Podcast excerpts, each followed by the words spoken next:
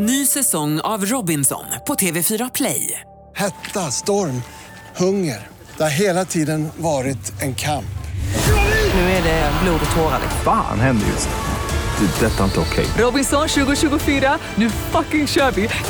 Streama söndag på TV4 Play.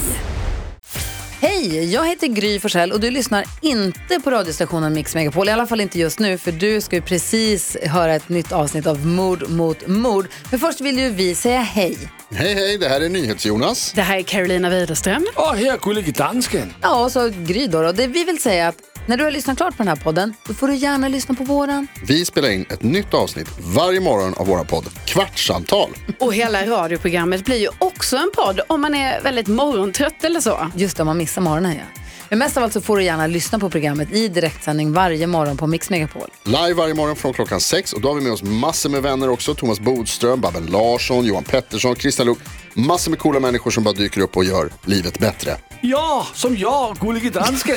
Exakt så. Och så mycket bra musik och annat skoj såklart. Så vi hörs när du vaknar på Mix Megapol. Podplay.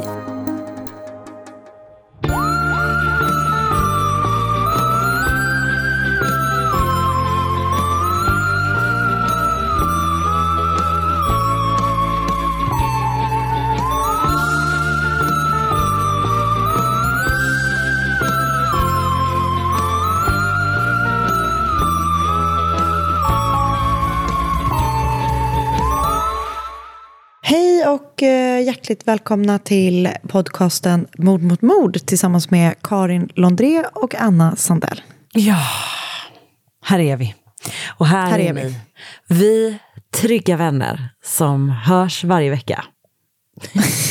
Perfekt. Anna, vet du vad? Nu närmar det sig. Nu närmar det Alltså jag, sig. satt, vet du, jag tänkte Rent. på det idag. Det är eh, inte ens två veckor kvar.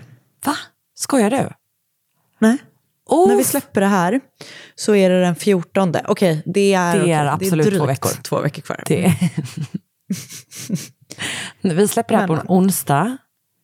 Och Okej, sen det är på en söndag. Men ja, ja, okej, det är ungefär två veckor kvar. tills till vad? Tills vår livepodd i Göteborg på Lisebergsteatern.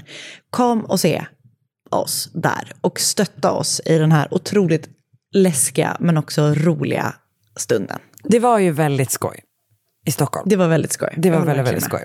Eh, och jag tänker typ att eh, nu, Stockholm, din hemstad, där var det lite upp till bevis för ditt gäng kan man säga. Göteborg Mm. är det ju lite grann upp till bevis för mitt gäng.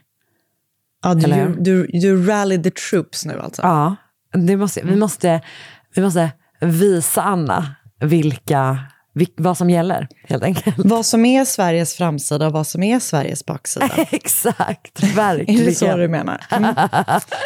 Okej, kom igen Göteborg, alltså. bring it on. Japp, ehm, kom, det blir, eh, kommer bli jättekul och jättespännande och fruktansvärt som vanligt. Stå, ståuppbolaget.se snedstreck mord mot mord. Ja. Där finns Och biljetter. Där finns biljetter och vi kan väl inte sticka under stol med att vi kommer ladda upp genom att åka attraktioner på Åka. Liseberg. En, och, en och annan attraktion kommer att åkas. Det är ett som är säkert. Ehm, Det ser jag typ eh, nästan, li- lika ja. mycket fram emot. 100 procent. Vet jag tänkte på? Det som är ganska bra.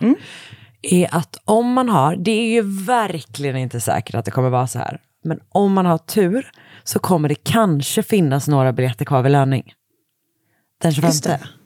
Ehm, så att man kan köpa Just sin det. sista minuten, eh, sista minuten biljett. smäller det, då Och det- finns det... Det här Uggla menade då var ju alltså att man köpte livepods-biljetter. Det är ju en ganska missförstådd låt kan man Precis, säga. man tror att det är något helt annat. Just man tror att det handlar om att vara kung i baren. Eh, men det, det, kommer ju också handlar- finnas en bar, Just det, antar jag. där man kan vara kung. Eh, där man kan vara kung, Säkert. tror jag. Det tror jag också.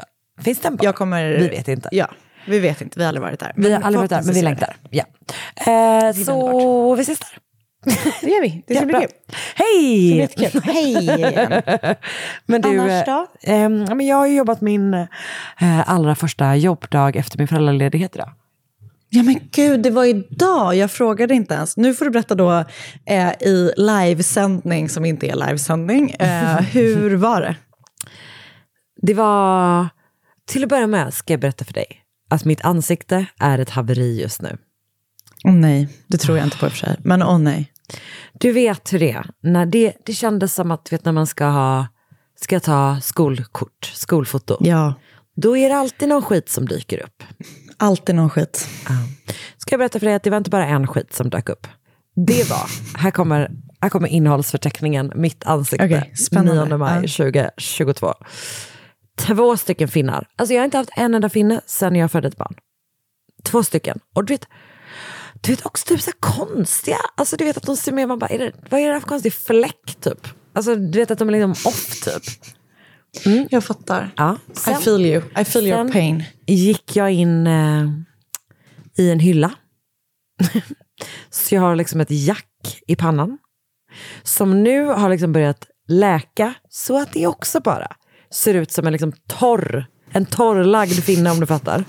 Jag fattar. Alltså, det var inte, man skulle kunna tro att det här skulle vara lite så Harry Potterskt. Det var det inte. Verkligen. Det var torrlagd finne. Men sen har vi grädden på ansiktsmoset. eh, munsår. Åh nej. Och det är något med munsår som gör att man känner sig så jävla ofräsch. Alltså peppar peppar har jag faktiskt aldrig haft det. Men jag kan verkligen relatera. Gud. Jag kan verkligen relatera. Nej, det kan du inte. Jo, för att flera personer i min närhet har det. Nej. Alltså, jag, Nej. jag, ska inte hänga ut, jag ska inte hänga ut här nu. Men när, vi var på, när jag var på språkresa så fick min bästa kompis eh, herpes för första gången. Och det var alltså hela hennes ansikte. Och jag tyckte så synd om henne för att det var verkligen, hon bara, är det någon som har lite vatten? och alla bara, nej tyvärr det är slut. Och gömde sina flaskor bakom ryggen. Nej. Och jag vill vara tydlig med att du kan inte alls förstå hur det här känns eftersom du precis berättade om någon annan som alla, och inklusive du. Det var inte som att du erbjöd din vattenflaska erkänd. Nej, nej.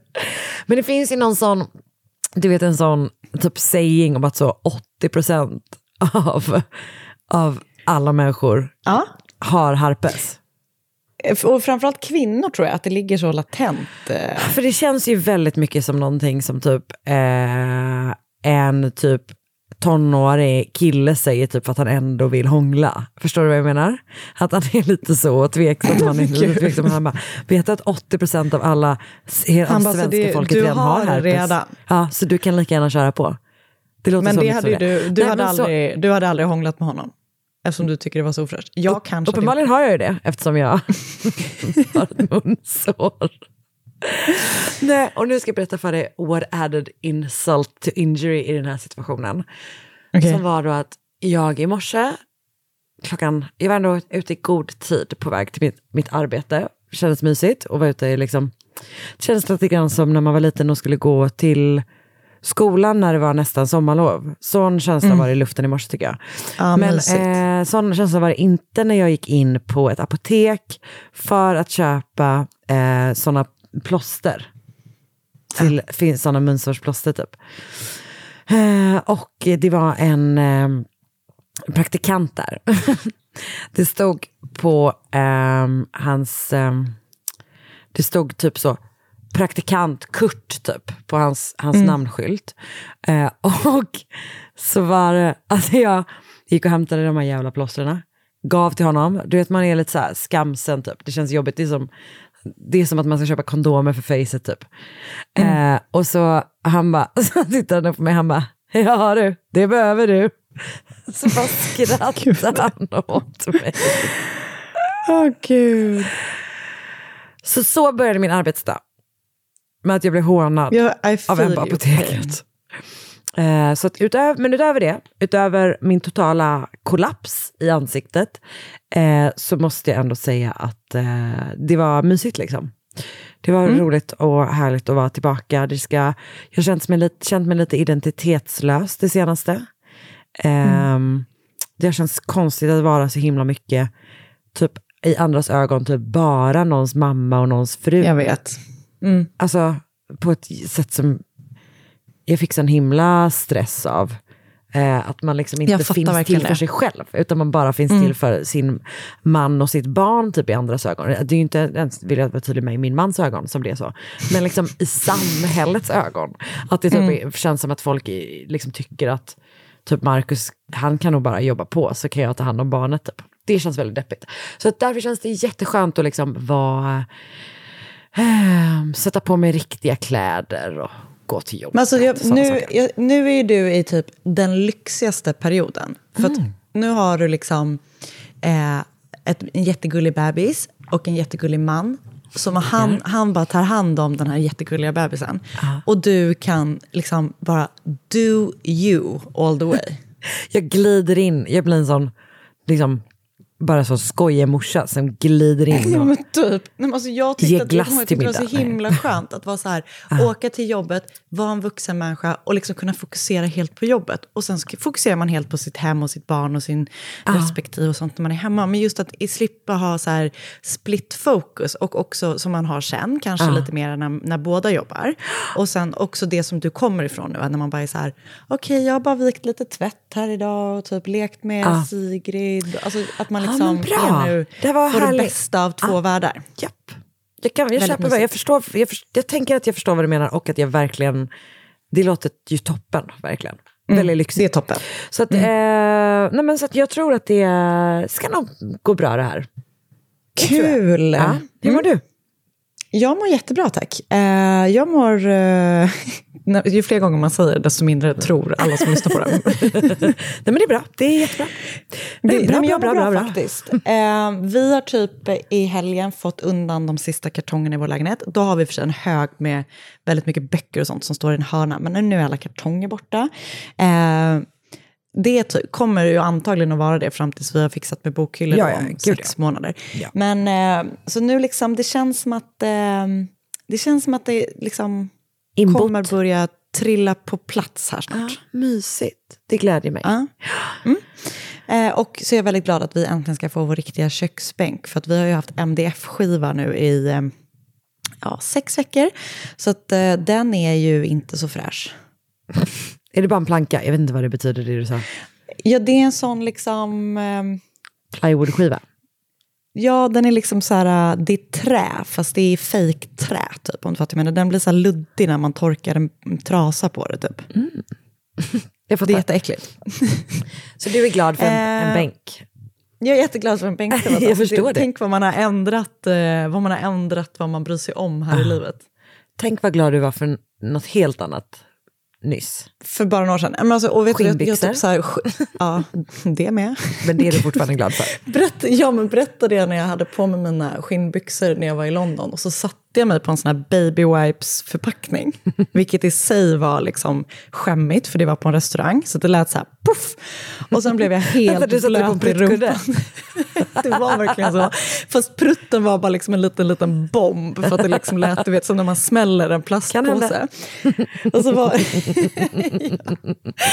Men så blev jag helt blöt i rumpan för att den här liksom vätskan som wipesen var liksom bara, alltså verkligen flög ut. Och alltså, jag känner mig väldigt tveksam till att använda några sådana nu på, på barn för att det så luckrade upp mina skinnbyxor Nej. i rumpan. Jo. Det var helt sjukt. Eh, så nu kan jag typ bara ha skinnbyxorna om jag har något långt över ovantill. För de är liksom genomskinliga. Typ, fast eller det är liksom, det är liksom De är ett annat material. ja. Men precis, så jag är inte så glad för de byxorna längre. Nej, jag förstår, jag förstår. Men då kanske du blir glad för ett par nya skinnbyxor i framtiden. Kanske. eh, nej men så det är bra måste jag ändå säga. Och, eh, jag, jag ser så himla mycket fram emot eh, vår helg i Göteborg. För att eh, det ska också bli så, jag kommer ju åka ner solokvist då. Så jag ser också fram emot att så här, kanske gå i en butik själv. Ah, det får du göra. Alltså sådana saker. Mm. Du Gud, får gärna följa med, men jag menar liksom jag- ja, utan tack. att dra en vagn. Ja, Helt själv, alltså jag vill verkligen vara helt själv. Ah, vi ska bara... Vi, ah, nej, det, kommer bli så mysigt. Det kommer bli så jävla mysigt. Ja, det ska bli så mysigt. Eh, men du, har du sett något, läst något, hört något? Ehm, jag började titta på um, en grej på Netflix som hette typ Sensa, tror jag, som handlar om en sydafrikansk eh, fotbollsspelare som blev mördad. Den verkar jättespännande. Jag somnade för att jag var så trött. Men eh, den ska jag fortsätta titta på. Jag tänker ändå ge den som ett tips. Och jag sålde in den här hemma som att det kombinerade två av våra intressen. Så bra. Så, så smart. Du då? Eh, vi började kolla på eh, dramatiseringen av The Staircase. Ooh, Som ju kommit på HBO. hur är, ja, hur är Det? Colin, Colin Firth spelar han Mike Peterson. Alltså vad tog han vägen? Alltså han var Colin ju... Firth. Vänta nu, vänta. Nej, vänta nu. Jag tänker på, jag tänker på han andra som också heter Colin. Colin. Ehm, Ja, Som var så här snygg, du vet. känns Ehm, lite irländsk eller? Så bad boy, ja. Colin Farrell. Farrell. Farrell. Mm. Okej, jag blandade ihop. Att- För vart tog Colin Farrell vägen? Han var ju så, han var ju så i ropet. Och sen så bara gjorde han den där filmen The Phone Booth och sen så var han never again seen. typ. Du kanske har svaret på din egen fråga. Ja, okej. Han är Okej, stuck in the phone Colin booth. Colin Firth är, spelar Mike Ja, Peterson. honom gillar man ju. Och det är ju ett problem. För jag tror att... Mm, för man eh, gillar honom för mycket. Man gillar honom så jävla mycket. Och Mm. jag tror typ att eh, alltså Mike Petersons personlighet och att han typ är framstår som ganska typ pretentiös eh, och självgod eh, Mm. gör typ att Alltså det är en del av varför så många ändå typ tror att han är skyldig till eh, att ha mördat sin fru. Förstår du vad jag menar? Typ alltså hans, hans sätt att vara. Och man Mm. gillar Colin Firth så jävla mycket typ. Så att det, nu är vi på Man ändrar tre. lite vad man tror typ. Ja, eller det, det, man blir mer så här, hmm. eh, för att han gör ju jättemycket jättekonstiga saker som typ får ett lite annat ljus på något sätt för att man på något, ja men i do, do, dokumentären kontra i, i liksom den här serien då, trots att det är samma händelser typ. Ehm, men nu är vi på avsnitt tre, det har bara kommit tre avsnitt än så länge och nu är det som att man har glömt bort att det är Colin Firth. Så nu börjar Okej. man störa sig rejält. Ehm, okej. Nej men det är ju, alltså det den har är ju det som dokumentären, dokumentären var ju en, den är ju en klassisk Ja. true crime dokumentär och det är ett fruktansvärt Det är ju en resa. fall eh, om Kathleen eh, Petersons död och huruvida henne, Mm. hon ramlade eller hennes man dödade henne. Men eh, det som den dokumentären är, är ju väldigt långsam, väldigt mycket rättegångsbilder och typ därför den känns ju lite seg. Och inte minst blev den seg när de la till de här extra avsnitten som de gjorde. Just det. Mm. Så att det slipper man ju nu med en dramatisering. Alltså det är ju lite mer pangigt om man säger.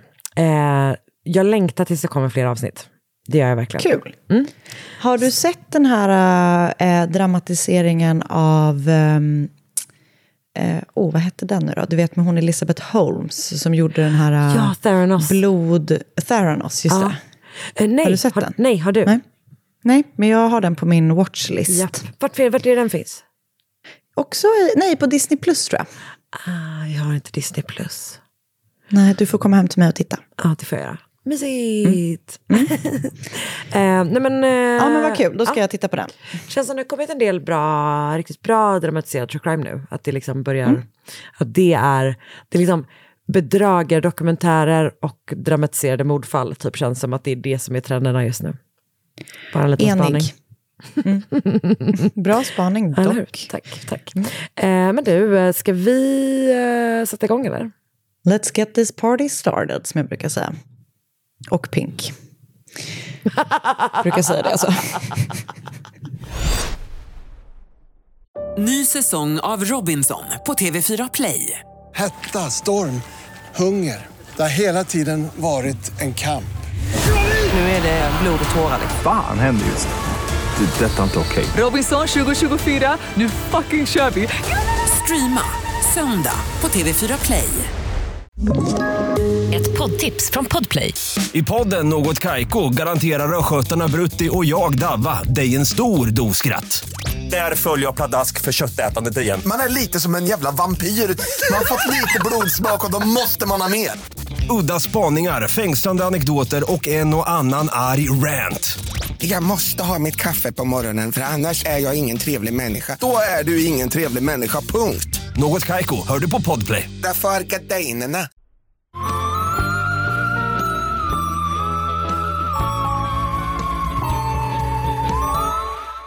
Familjen Maso bodde i Montecchia i Verona i Italien. Familjen bestod av pappan Antonio Maso som arbetade med att driva familjens gård som odlade körsbär och vindruvor. Och mamman Maria Rosa Tessari som också arbetade på gården med att typ ta hand om hemmet och liksom huset och familjen. Och tillsammans hade de tre stycken barn som hette Nadia, Lauro och Pietro. Det verkar ha varit liksom en väldigt härlig tillvaro för barnen att växa upp i och de verkar liksom ha levt ett väldigt bra liv. De tjänade bra med pengar på gården och Antonio och Maria Rosa verkar ha haft ett bra äktenskap. Så liksom inga konstigheter egentligen kring deras liv. Mm. Pietro då, som var den yngsta, var lite av en sladdis kan man väl säga. Han var eh, sju respektive åtta år yngre än sina systrar. Så de flyttade liksom hemifrån när han fortfarande ändå var ganska, liksom, han var typ tonåring. Så att, ehm, han var liksom lite ensam barn kan man ju nästan säga. Och ehm, jag vet inte om det var liksom tänkt att han skulle driva familjegården typ för att han var den enda killen eller du vet Mm. om de har såna eh, old school syn på det. Men han verkar i alla fall inte alls ha varit intresserad av att arbeta med familjeverksamheten. För han började på ett gymnasium som har liksom, eh, agronom, en agronominriktad gymnasielinje typ. Eh, så att han ska förberedas för att driva gården helt enkelt. Men han hoppar av innan han hinner ta examen. Så han, efter att han hoppat av då, så börjar han ta lite så här olika random ströjobb som han verkar haft svårt att behålla. Eh, och jag vet inte om det var för att han misskötte sig liksom eller jag, han verkar liksom inte ha tyckt att det var kul att jobba. Så han verkar liksom inte ha varit så bra på det, om man ska säga så. Ehm, hans främsta liksom, hobby eller sysselsättning verkar typ mest ha varit att hänga med sina kompisar och typ gå ut på nattklubb och du vet, sådana saker. Så hans föräldrar är liksom oroliga att deras yngsta barn är på en så kallad slippery slope. Eh, så den 17 april 1991, då är Pietro 19 år gammal. Och han är då ute med sina kompisar. Så kommer han hem till familjegården vid två på natten. Men han hinner typ bara komma hem innan han rusar till närmsta granne och säger att han såg två ben som låg på golvet. Så något har alltså hänt i huset. Och grannen hjälper Pietro att kalla på polisen. Antonio och Maria Rosa då har tidigare samma kväll åkt till en grannby för att delta i sin som bibelgrupp. Eh, och efter att de var klara med det i kyrkan så har de åkt till en bar för att se om Pietro ville ha skjuts hem med sina föräldrar. Men han hade då inte varit där så att de hade liksom gått, åkt dit, gått in, sett om han var där för han brukade väl hänga där. Och så har de sen åkt vidare hem utan honom. Och klockan var runt 11 på kvällen när de lämnade den här baren för att åka hem. Så när de då sen har kommit hem så har någonting hänt. Eh, för när Pietro då kommer hem tre timmar senare så har både hans mamma och hans pappa blivit mördade.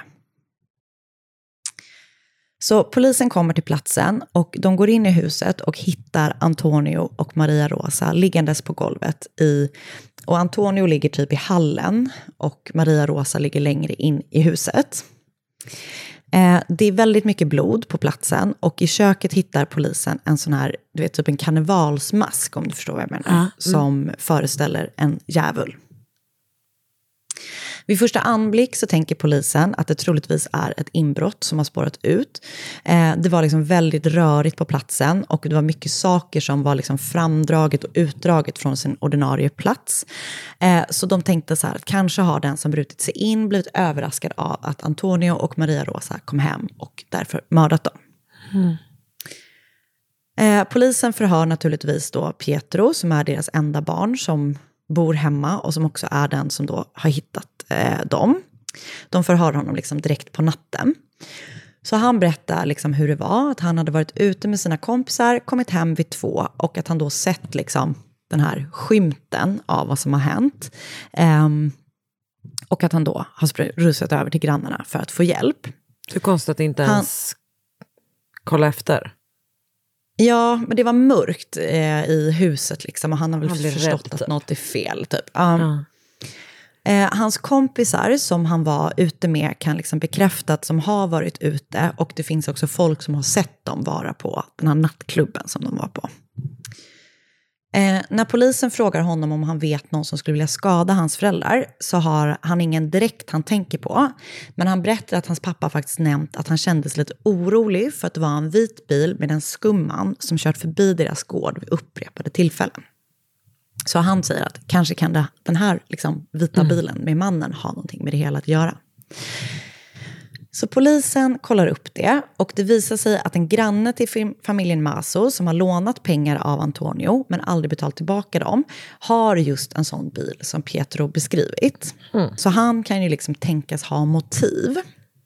Så polisen förhör honom och liksom kollar upp allt kring honom. Men han har då ett vattentätt alibi för mordkvällen, så han avskrivs direkt. Så polisen fortsätter då att liksom pursua teorin att det var ett inbrott.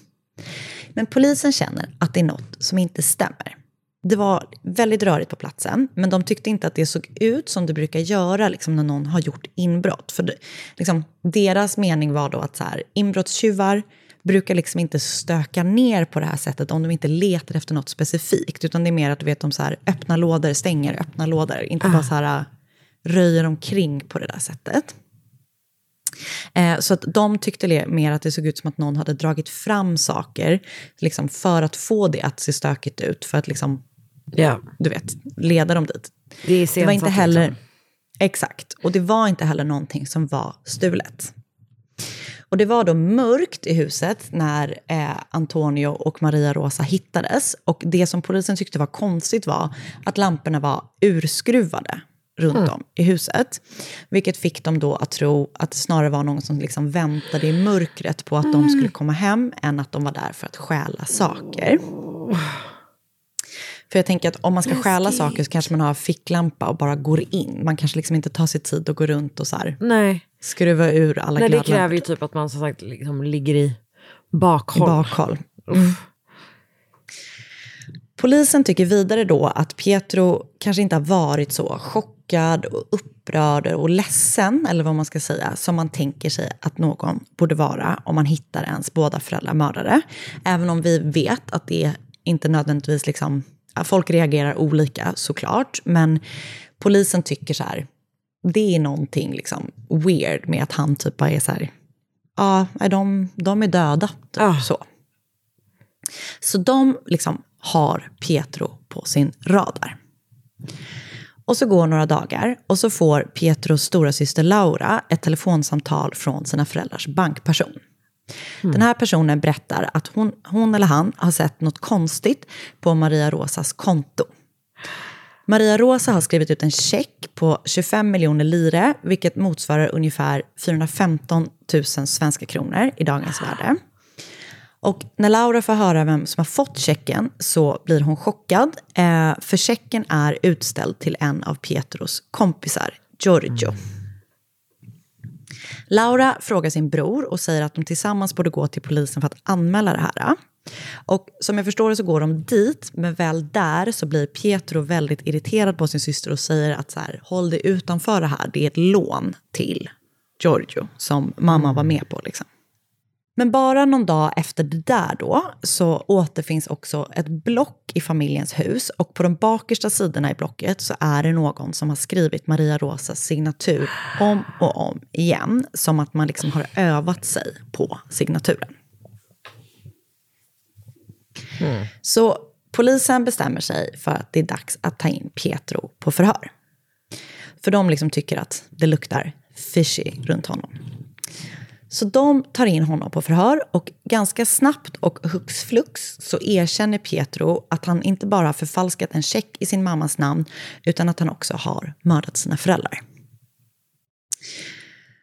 Och de, polisen liksom säger själva att det verkar som att han var liksom trött och liksom, du vet, att han bara inte orkade ljuga typ. Så att han liksom, de behövde inte ens Ligga liksom, på, hålla typ. ett sånt där. Nej, och de behövde, du vet, man vet ju annars att de kan sitta så här i flera timmar. Men det här verkar typ ha gått ganska snabbt från att han plockades in tills att han bara, okej, jag gjorde det liksom. Mm. Väldigt, ja. Han var däremot inte ensam gärningsman, utan han hade tre stycken medhjälpare i morden. Och det var hans kompisar Giorgio, som checken var utställd till, och Paolo och Damino. Och Damino var eh, minderårig, alltså han var inte ens myndig när morden begicks. Och de hade alla tre då blivit lovade en summa pengar från det arv som Pietro skulle få om hans föräldrar dog. Eh, de hade planerat morden i flera månader och den 17 april, alltså då kvällen då de mördades, var inte deras första försök. För de hade inte bara försökt en gång innan, utan de hade försökt tre gånger tidigare att mörda Pietros föräldrar. Så deras första plan hade var, var att anlita någon som kunde utföra morden, eller liksom, du vet, hitta någon som de kunde betala för att ställa upp. Men de gjorde inte det. Ehm, så ja, den planen Pursue kunde de liksom inte ta vidare än så, Ja. för att det tog stopp där. Och efter det, då, när de inte hade hittat en så kallad hitman, så planerade de att förgifta dem. Och eh, de gjorde, blandade ihop någon så här kombination av olika gifter, men slängde dem eh, för att de var rädda att giften skulle kunna spåras eh, tillbaka till dem på något vis. Så de slängde giften och liksom gick vidare i sin Ah. planering. Nästa plan var att eh, Giorgio och Pietro skulle liksom hämta upp Maria Rosa i en bil. Och så skulle Giorgio sitta i baksätet och slå Maria Rosa i huvudet med någonting. Men han backade ur det när de väl satt i bilen. Och de insåg också att det hade inte löst planen, för då skulle bara hon dö och inte pappan. Ehm, så Men de, det kom de gjorde på de när hon väl liksom satt i bilen. Alltså de känns som att de Typ. gör ganska många steg på sina olika planer tills de plötsligt så här, men hallå det här är Nej, det går ju inte. idé. Mm. Men de är ju liksom gift. 19 och Ja. 17 år. Ja. Uff. Det är så jäkla hemskt. Ehm, så nästa idé som de fick eh, var att Pietro skulle, när hela familjen var hemma på söndagslunch, spränga huset. Så att hela hans familj, inklusive då systrarna och systrarnas pojkvänner, skulle stryka med. Och på så vis skulle han ju då liksom kunna tillskanska sig hela arvet. Och de preppade för att göra det här genom att ställa ut gastuber i huset. De hade fixat någon slags tändningsanordning och du vet massa sånt. Men sen hände då något som gjorde att de inte kunde genomföra det. Och det finns liksom två olika varianter som jag har läst. Och den ena är då att hans mamma hittade de här sakerna som han hade preppat med. Och att han då förklarade det med att han skulle ha en fest hemma. Och att det här liksom var material för att han skulle kunna ordna en bra så här ljusshow, typ. En annan förklaring till varför inte den planen gick i lås var att själva antändningsanordningen inte funkade när han väl försökte på den här söndag eh, lunchen. Eh, oavsett vilken som då eh, stämmer av de här, eller om det är någon helt annan anledning till att de inte gjorde det, så eh, fungerade ju inte den planen heller. Och det var då de landade i den plan som de genomförde den 17 april. Och eh, som jag förstår det så var det liksom lite bråttom att få till det eftersom de redan innan den 17 april hade förfalskat den här checken som eh, Laura senare ändå upptäckte. Och anledningen till att det var bråttom var för att de inte ville att Antonio och Maria Rosa skulle upptäcka det. Eh, så Pietro visste då att hans föräldrar skulle vara borta på sin bibelläsning den här kvällen. Eh, och han och hans kompisar var på en bar innan de åkte hem till Pietro och familjens gård. Väl där så skruvade de då ur alla glödlamporna så att man, Antonio och Maria Rosa inte skulle kunna tända lyset när de kom hem. Sen klädde de på sig några slags skyddande overaller typ och tog sina vapen. Och de hade med sig ett järnrör och ett rattlås och sen tog de det som fanns till hands i huset, två stycken stekjärn. Eh, Pietros kompisar satte på sig såna eh, karnevalsmasker. Som det framgår då så hade Pietro inte på sig en mask. Och sen väntade de då på att de skulle komma hem. Och sen kom de då hem och de här fyra killarna mördade de här två stackars eh, personerna. Och det verkar ha varit en ganska utdragen process för att det liksom, de, det märks att de har varit så här på olika platser i hus, eller du vet, de har så här mm. Vilket, och jag tänker bara, det måste vara så jäkla fruktansvärt för Antonio och Maria Rosa att förstå att de blir mördade av sin egna son. Liksom. För han hade ju då, som jag förstår det, inte mask på sig, så de har liksom sett att det var han. och sen så tog de då med sig allting som de har använt i morden, förutom en mask som jag tror att de liksom glömde, jag tror inte det var med flit att de läm liksom lämnade den efter sig. Och så glömde de då att skruva tillbaka lamporna igen. Eh, vilket ju ändå var en av de sakerna som fick polisen att förstå att det inte bara var ett vanligt rån, även om de säkert hade landat där förr eller senare. Och efter då att de har utfört morden så åkte de till en nattklubb för att skapa sig eh, ett alibi. Och de kom inte in på den första nattklubben, så då gick de vidare till en annan nattklubb där de var i några timmar innan Pietro åkte hem då för att upptäcka sina föräldrar. Och motivet för morden var ju då helt ekonomiskt. Han ville komma åt pengarna som han skulle ärva när hans föräldrar dog helt enkelt. Eh, men han insåg då att eh, hans föräldrar var ju unga föräldrar. Liksom. De var 48 respektive 55 år gamla när de mördades. Så det var liksom inte att han bara kunde sitta och vänta på att få ut pengarna. Vilket är så jävla cyniskt och vidrigt tänkt. Men eh, det är i alla fall motivet eh, bakom. Och fallet och den följande rättegången fick jättemycket uppmärksamhet i italiensk media. Och det faktum att han då var så ung och gjorde det hela för att komma åt arvet och att morden var av en sån grov karaktär gjorde det då till att liksom, det var väldigt intressant för både allmänheten och, eller allmänheten, jo, intressant, men allmänheten och media var liksom väldigt intresserade av att rapportera om det och läsa om det. Och i rättegången som inleddes ett knappt eh, år efter att Antonio och Maria Rosa mördats, eh, var han liksom väldigt så här välklädd. Och eh, jag läste någonstans att han betedde sig lite så som stjärnan i en show eh, genom hela rättegången. En psykiatriker bedömde att han hade narcissistisk personlighetsstörning och det bedömdes att han var tillräknelig när han begick morden. Eh, han dömdes till 30 år i fängelse. Giorgio och Paolo, som var med eh, hjälpare i morden, dömdes till 26 år. Och Damino, då, som var minderårig när morden begicks, dömdes till 13 år i fängelse. Inne i fängelset så försökte Pietro först få ut eh, sin del av arvet, men hans advokat typ rådde honom att lägga ner det, för att det, skulle liksom, det gör honom inget gott att han liksom framstår som en Att han fortsatt girig... bara vill eh, ha tag på pengarna liksom. Exakt så. Men tiden verkar liksom ha gått där inne och det verkar som att han då ändå började känna så här ånger och han sökte sig då till sin religion. Han skrev brev till biskopen i Verona och sa då att han kände så mycket ånger och ville be om Guds förlåtelse. Och biskopen som blev hans då religiösa ledare eh, och hjälp genom straffet satte också Pietro i kontakt med påve Franciscus och massa sånt.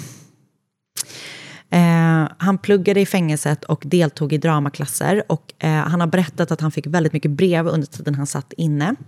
Brev från unga människor som då sa att de ville göra samma sak som han hade gjort. Och hur han, då har han berättat också då hur han hjälpte dem att komma på andra tankar.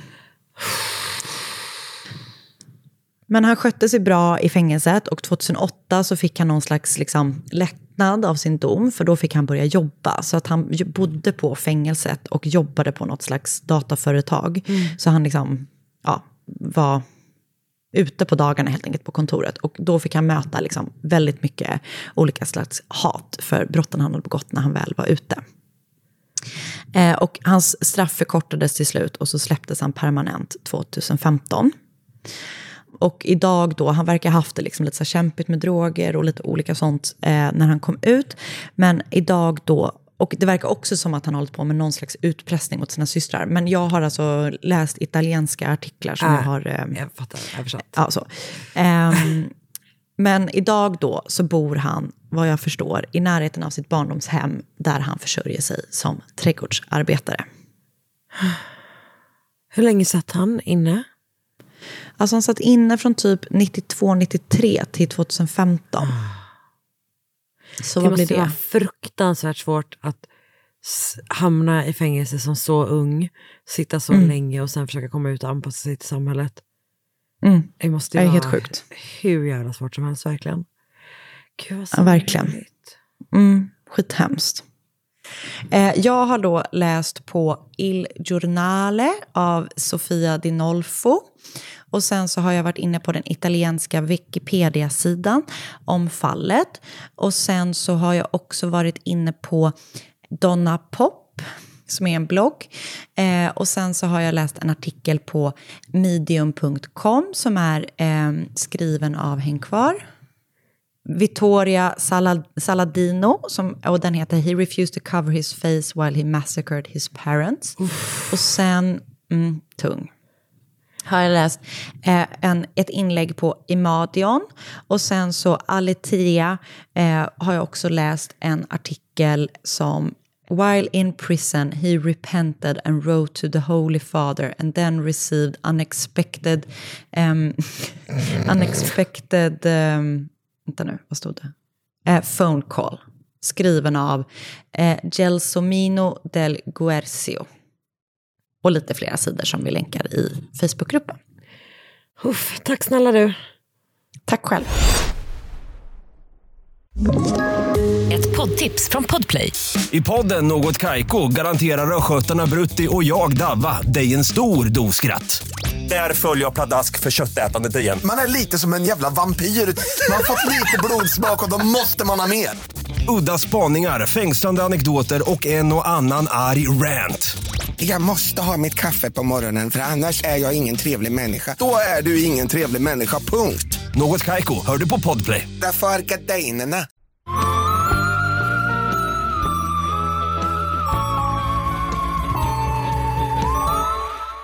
Paret Ellie och George Gianni var eh, grekcyprioter som, eh, som många andra i mitten av 1900-talet, hade lämnat sitt hemland och bosatt sig i London. Eh, och eh, paret fick fyra barn, två pojkar, två flickor. Och hela familjen bodde i ett hus på Belsize Road i norra London. Pappa George var skomakare och han drev Nicks Shoe Shop som låg bara ett par minuter eh, från familjens hem då. Och eh, Ellie verkar typ ha hoppat in och jobbat där lite grann när det behövdes. Typ. Hon gick hon in och mm -hmm. styrde upp lite grann. Eh, barnen går då förstås i skolan men hjälper också typ till i, i så här, den här eh, i deras sån shoe shop då under sin uppväxt. Och familjen höll väldigt mycket på sina grekcypriotiska rötter och traditioner och var liksom men det var en väldigt traditionell familj och de var ganska konservativa. Så även om typ barnen växte upp i 80-talets London så var det inte så typ att de var ute och typ festade och typ dejtade och sånt. Liksom. Utan de, eh, jag läste typ att så här, de här systrarna hade typ såna, du vet, chaperons när de var typ ute. Och, alltså det är liksom sådär. Ah, så okay. de var, de var ja, men väldigt liksom, konservativa helt enkelt. Och yngsta dottern hette Janola Janni. Hon kallades Lucy efter skådisen Lucille Ball av sina syskon och föräldrar. Och det gjorde hon på grund av sin lättsamma och typ livliga personlighet. Um, men hennes kompisar kallade henne för Noodles. Och mm -hmm. eh, de känner henne som liksom en väldigt, så här, väldigt rolig person. Alltså både som att hon var liksom glad och rolig att vara med, men hon var också typ sjukt kul. Typ. Så hon var eh, väldigt populär, helt enkelt. Um, och det gick sådär för Genola i skolan. Visserligen, alltså grekiskan gick bra, men det var typ det enda som gick bra. Um, så sommaren 1982 så var hon då 17 år gammal och hade just eh, gått ut secondary school. Och hon hade extrajobb i någon affär och väntade samtidigt på att få resultaten från sina O-levels för att sedan kunna då söka vidare utbildning. Och som jag förstått det så har anledningen till att hon inte liksom har fått de här resultaten än är för att hon har varit tvungen att typ göra om proven. Typ. Så okay hon vet inte riktigt vad hon ska ta vägen liksom härnäst i livet. Hon har en tanke om att kanske ge sig in i bankvärlden som hennes syrra. Men hon är egentligen väldigt intresserad av att bli kosmetolog. Så mm -hmm. hon har hittat någon kurs typ hon vill gå. Och hon tycker liksom i livet typ väldigt mycket om skönhet. Alltså hon gillar typ att hålla på med hår och är väldigt klädintresserad och så. Så att det skulle liksom typ passa henne väldigt bra sådär. Och utöver att, eh, alltså utöver eh, det intresset så gillar hon att läsa, hon gillar att kolla på tv och sen så gillar hon att dansa grekisk dans. Så hon går på någon sån grekisk danskurs typ. Och fredagen den 13 augusti 1982 så följer Genola med Ellie till Nicks Shoe Shop för att leverera lunch till George. Och det var typ någonting som de gjorde ganska ofta. Alltså typ att de, eh, de gick och gav honom lunch helt enkelt. Men den här gången så bestämde sig Ellie för att stanna med George. Det var något typ hon behövde fixa i verksamheten. Så hon säger då till sin dotter att hon ska gå de här få minuterna, alltså det är typ fem minuter, em, hem från liksom Nicks Shoe Shop hem då till huset på Belsize Road. Och hon ska göra det då på egen hand. Och där ska hon liksom sätta igång med fredagsmiddagen. För de ska äta eh, lammlägg och det ska liksom köras långsamt Är i lammlägg det ugnen. på, som är på ben? Ja, men det här, jag tror att det är liksom ett baklägg, vilket gör att det är större liksom. Ehm, Läskigt. varför är det läskigt? Det är så obehag- jag tycker inte om när man ser eh, benet. Ah, jag förstår. Jag förstår. Okej. Ja, men det ska hon äta i alla fall. Eh, Mm. Men det är säkert väldigt gott. Ja, det tror jag. Och typ också, du vet så, lång, lång, långsamt Långkokt, tillagat det är säkert ugnen. jättegott. Det tror Ja. jag. Eh, eh, greker känns väldigt bra på lamm. Absolut. Eh, och eh, så Genola säger då hej då till sina föräldrar eh, och går hem. Och mindre än en timme senare så kommer George och Ellie hem till huset. Och de ropar på Genola men får inget svar. Så de börjar liksom gå mellan rummen på de olika våningarna i huset. Och till slut så har Ellie kommit till deras sovrum. Och där ser hon då sin dotter liggande på sängen. Hon är livlös, kroppen är, alltså hon är, hennes kläder och hår är genomblöta. Hennes tröja är sönderskuren och hon är naken på underkroppen. Och hon har då utsatts för våld och även strypts till döds. Och det här, det är liksom bara gått en timme. Det är mitt på dagen. Alltså det är liksom fruktansvärt och man förstår inte hur det gått till. Liksom. Men polisen börjar då kartlägga vad som har hänt liksom, under den här timmen efter att hon har sagt hej då till sina föräldrar. Och då har hon gått hem och så har hon typ satt på sin favoritmusik, vilket är så himla heartbreaking för att det, det, hon är liksom ensam i huset typ en fredag eftermiddag, så här. det är Mm. sommar. Hon typ lyssnar på sin favoritmusik. Åh, det är så sorgligt. Ehm, och hon har då satt igång och liksom börjat med maten. Och vid tvåtiden har två olika vittnen sett en man i 20-årsåldern vid familjen Jannis hus. Den ena ser mannen liksom gå upp till dörr, dörren och ringa på. Och den andra ser Genola prata med den här mannen stående liksom i dörren. Då. Så han står ute liksom på, eh, på trappan typ, och hon står i dörren. Och det här vittnet minns tydligt att Genola typ log och skrattade mot den här mannen. För att han var själv då lite svag för henne.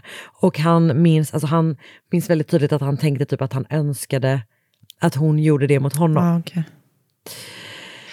Så familjen kollade liksom alltid ut genom fönstret när någon ringde på. Så man tror att Genola lär ha gjort det den här gången också och ändå då bestämt sig för att öppna för den här mannen.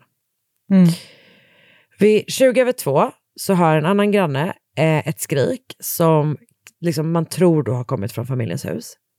Och polisens teori är att när något har liksom vänt i deras konversation, att det har gått från trevligt, där hon typ har skrattat och du vet sådär, till att bli obehagligt, så har hon försökt stänga dörren. Men då, och det här är liksom, det är exakt mardrömsmaterial. Ehm, så hon har försökt stänga dörren, han har typ fått in foten liksom. Och typ fått upp dörren igen. Och då har hon vänt och börjat springa upp för trappan för att komma undan. Och ehm, den här, det här huset är liksom ett sånt vanligt brittiskt hus. Du vet att det är typ tre eller kanske till och med fyra våningar, men jag tror att det är tre våningar i det här fallet.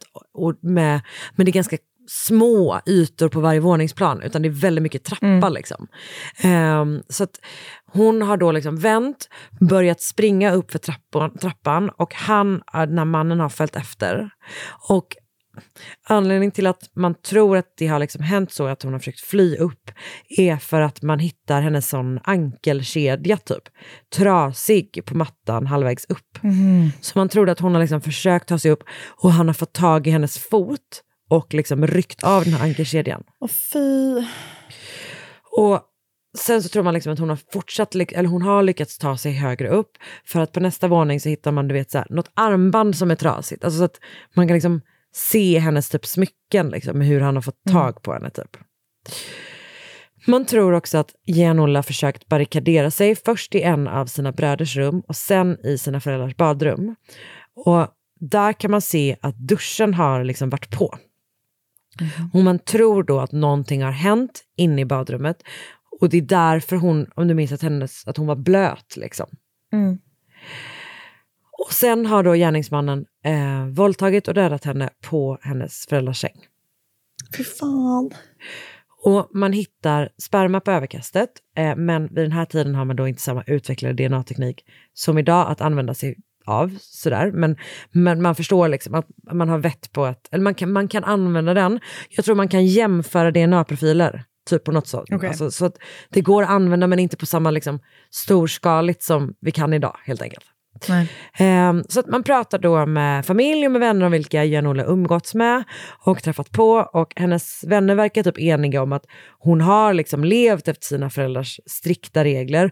Hon har typ inte, det är inte du vet så här, att hon har varit ute och typ Nej. dejtat bakom deras rygg. Liksom. Eh, utan det verkar som att hon har typ ja, levt så som de typ tyckte att hon skulle leva. Liksom. Och man kan utesluta alla killar och även alla manliga lärare på hennes skola med teknisk bevisning. Jag tror att man både kollar fingeravtryck, för att man hittar fingeravtryck på platsen, men också kanske då kan jämföra DNA-profiler. Jag är lite osäker. Men, men någonting kan man göra med DNA i alla fall. Eller med, med det här med spermafläcken. Liksom. Och Ellie och eh, Jan- Janolas syster Maria, de minns att en man har följt efter dem. Typ, och mm. Janola då, när de har varit ute och gått tillsammans typ några veckor tidigare. Så att det här är typ en man som de har liksom noterat, typ har du vet, stått och kollat på dem typ. Och sen så har han, alltså de har insett att han har följt efter dem. Alltså han har gått efter dem hela vägen hem. Och till slut har de typ sprungit in i huset och typ kollat ut genom fönstret och då har han stått kvar. Och det här är bara liksom då några veckor innan mordet. Och den här mannen beskriver de som att han är i 20-årsåldern. Han är kort, han har mörkt hår och ser ut att ha ursprung någonstans runt eh, Medelhavet. Och det stämmer då överens med den här mannen som vittnen sett utanför familjens hem vid tiden för mordet. Och man tar fram en eh, fantombild efter beskrivningen och eh, den liksom sprids i media. Men trots då att det här mordet får väldigt stor uppmärksamhet och den här bilden sprids ordentligt och trots att det har begåtts mitt i London, mitt på dagen, under en enda timme i liksom det här huset så förblir då mordet på Janola olöst. Och hennes familj eh, jobbar liksom stenhårt för att inte låta polisen och allmänheten typ glömma deras dotter och syster. Och George, eh, Janolas pappa, han är alltså han lägger liksom hur mycket, all sin energi som han orkar på det. Liksom. Och han du vet, skriver till typ alla politiker och alla så här myndighetspersoner han kan, bara kan komma på. Alltså, han, du vet, han skriver typ brev till Margaret Thatcher, han skriver brev till chefen för Scotland Yard för att han inte vill att eh, utredningen ska stängas typ, utan att han vill att den ska liksom, fortsätta vara öppen typ. Och eh, för då att man ska kunna typ hitta mördaren någon gång i framtiden. Ehm, och han lyckas med liksom det, att man stänger aldrig utredningen. Men han kommer aldrig att få uppleva att eh, man hittar hans dotters mördare för att George Gianni får en hjärntumör och dör 88. Och begravs då bredvid sin dotter på en kyrkogård i norra London. Gud vad sorgligt. Men folk omkring honom beskriver verkligen du vet, hur han är så här, han är typ heartbroken bara. Alltså han är förkrossad av liksom en spillra av sitt forna jag. Typ. Men som sagt, utredningen stängs aldrig. Och det finns liksom många inom polisen som jobbar med det här fallet genom åren som liksom inte kan släppa det, utan fortsätter att återkomma till det med liksom ojämna mellanrum. Så genom åren så intervjuar de över tusen personer utan att kunna komma vidare. Men 1999 så är det någon som bestämmer sig för att typ, ta en titt på det här igen. Så att nu är vi då, vad blir det, 17 år senare. För då har ju DNA-tekniken kommit längre. Och man börjar liksom eh, använda sig, man har haft liksom sinnesnärvaro nog att, att spara de här, eh, det här överkastet på ett liksom bra sätt. Typ. Så att det tar fyra år, men till slut, 2003, så har man till slut en fullständig DNA-profil. Så att man tänker väl då att så här, en person som har begått den här typen av brott har begått andra brott med. Liksom. Och man testar att köra DNA-profilen i eh, polisens liksom, databas. Får ingen match. Nej. Och det tar tvärstopp igen. För det är det enda de har. Alltså de kan inte göra någonting annat än att liksom testa DNA. Nej. Ingenting händer förrän 2015. Shit. För då grips en man som heter James Warnock för barnpornografibrott. Och han tvingas lämna ett DNA-prov. Ett DNA-prov som är en fullständig match med det som tagits från överkastet i Nej. Genolas föräldrars sovrum. Så 1982 var James Warnock 22 år och bodde typ 500 meter från Genola tillsammans med sin fru. Han jobbade som platssättare, bland annat i närheten av familjens hus. Och när han förhörs om hur det kommer sig att hans sperma hittats i Genolas hus påstår han att han först träffade henne på Nicks shoe shop, att de typ fortsatte prata efter det, fick, hade mer och mer kontakt, blev vänner och sen inledde en relation. Så han menar att han har haft sex med Genola, men med samtycke. Han säger också att han inte hade någon aning om att hon blivit mördad.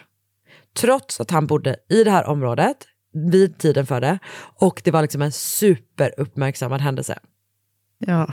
Men han bara, jag hade, ing- jag hade ingen aning. Typ. Han har ett äh, ganska... Han har liksom en ganska självgod framtoning kan man säga. Alltså han känns... Han är riktigt jävla störig i eh, de här förhören typ. Du vet han liksom, han är så jävla nöjd när han typ pratar om hur den här, du vet vackra 17-åringen typ, de hade liksom only a quickie, alltså du vet han är liksom äcklig, han är så jävla äcklig about it typ. Eh, och ehm, när polisen frågar hur han såg ut när han var ung, för de har ju ändå den här skissen och sådär. Så han är 55 år när han grips. Eh, men han då liksom, är det som att han blir så himla nöjd när han tänker tillbaka på hur han såg ut. Så han typ skrattar till och svarar How can I put it? John Travolta? Men snälla. Alltså, han är så störig. Är han lika ful som John Travolta är nu när han var gammal också? Alltså han är fulare skulle jag säga. Mm. Mm. Sorry. Sorry till John om du lyssnar. You never know. I know. Rättegången mot James Warnock inleds sommaren 2016. Alltså 34 år efter Det mordet på sjukt. Det är så sjukt. Och ingen verkar tro på hans historia om att han hade en relation med henne. Hon dejtade inte och jag vet verkligen inte vad det här är för typ av bevis och tycker typ att det låter jättekonstigt. Men det står överallt att det presenterades bevis för att hon var oskuld när, alltså innan attacken. Jag vet liksom inte riktigt vad det Okej. betyder. Eh, men Nej. det är liksom, det, det, det, i artiklar så står det att det presenteras bevis på det i rättegången i alla fall. Okej. Mm. Det tar juryn sex timmar att komma fram till att James Warnock är skyldig och han döms till livstidsfängelse med minimum om 25 år. Under rättegången så vittnar bland annat Ellie och Genolas sys- syskon. Och efter att domen kommit skickar familjen ett meddelande till pressen och de inleder. For over half a lifetime we have had to live with the daily torture of what happened to our daughter and sister Lucy. All who knew her loved and adored her. Even through her death, she deeply touched those involved in the investigation of her murder. Och de typ så här skriver jättefint och typ tackar alla poliser som har utrett mordet och de som har liksom stöttat dem under hela den här processen. Och sen avslutar de. We now pray that we can move forward with the rest of our lives, having some peace in knowing that her killer has been brought to justice and that a very dangerous man is no longer a threat to anyone else. 34 år tog Alltså, det. det är så lång tid. Och det är just där, du vet, det finns, fanns vittnen. Han bodde precis där. Mm. Alltså det är liksom, han borde verkligen ha hittats typ. Mm. Men han gjorde bara inte det. Shit. Och du vet, även typ, han bodde typ kvar där och sen flyttade han typ till något annat hus. Eh, med, också i närheten med sin fru, fick typ två barn, hade ett helt vanligt liv. Tills han också då bestämde sig för att eh, jag tror, sprida barn, barnpornografi. Alltså, liksom. fy fan. Ehm, så att det var då historien om Janola Janni, Lucy, eller det urgulliga smeknamnet Noodles. Det är väldigt gulligt. Men och jag, vad ja, sorgligt. jag vet, det är fruktansvärt. Eh, och jag har då sett ett YouTube-klipp som sätter ihop typ lite olika liksom, tv-uppdateringar genom åren om det här eh, fallet. Eh, det är publicerat av eh, kontot True Crime Report och det har titeln Crime Watch UK 34 year old cold case murder solved. Jag har läst ett gäng BBC-artiklar där jag inte hittat journalistnamn, bland annat How a teenager's killer was brought to justice after 34 years. Sen har jag läst eh, eh en artikel av Tristan Kirk för Evening Standard, en av David Burke för Hampstead and Highgate Express, en av James Grierson, Grierson för Guardian och på Wikipedia. Alltså Det var det känslan för de poliserna när de hittade honom, eller? Jag vet. Det, det, jag tror att det är en, en kvinnlig polis som, eh, som ledde just utredningen på slutet typ och att hon beskriver att hon var, hon typ satt, eh, hon var på teater med sin mamma när hon typ fick smset och du vet att det var liksom bara så här den största chocken. Typ. Ah. Att man liksom inte... Och samtidigt som att det typ, när man har en fullständig pro- DNA-profil så är det ju, för jag fattar typ, för det enda man kan göra är att vänta och fortsätta testa. Typ. Så sjukt. Ja. Ja, men Ja, det är någonting med de här väldigt fallen när, sorgligt. man, när ehm, det tar så lång tid och Mm. just familjer går runt i sån, liksom, de vet ingenting liksom. Och sen till slut tänk, liksom, möta den här mannen i rätten. Är det går inte att föreställa sig. Usch. Uff. Väldigt eh, sorgligt. Sorglig vecka hörru. För Mm. ovanlighetens skull. Verkligen. Eh, vi hörs igen nästa Men det vecka. var allt. Ja, Det var allt. precis. Det var allt för den här veckan. Vi gläds till att träffa er i Göteborg och träffa er i den så kallade etern här också. Det gör vi verkligen. Nästa vecka Mm. i eten. Det är bra. Hej då! Hej då!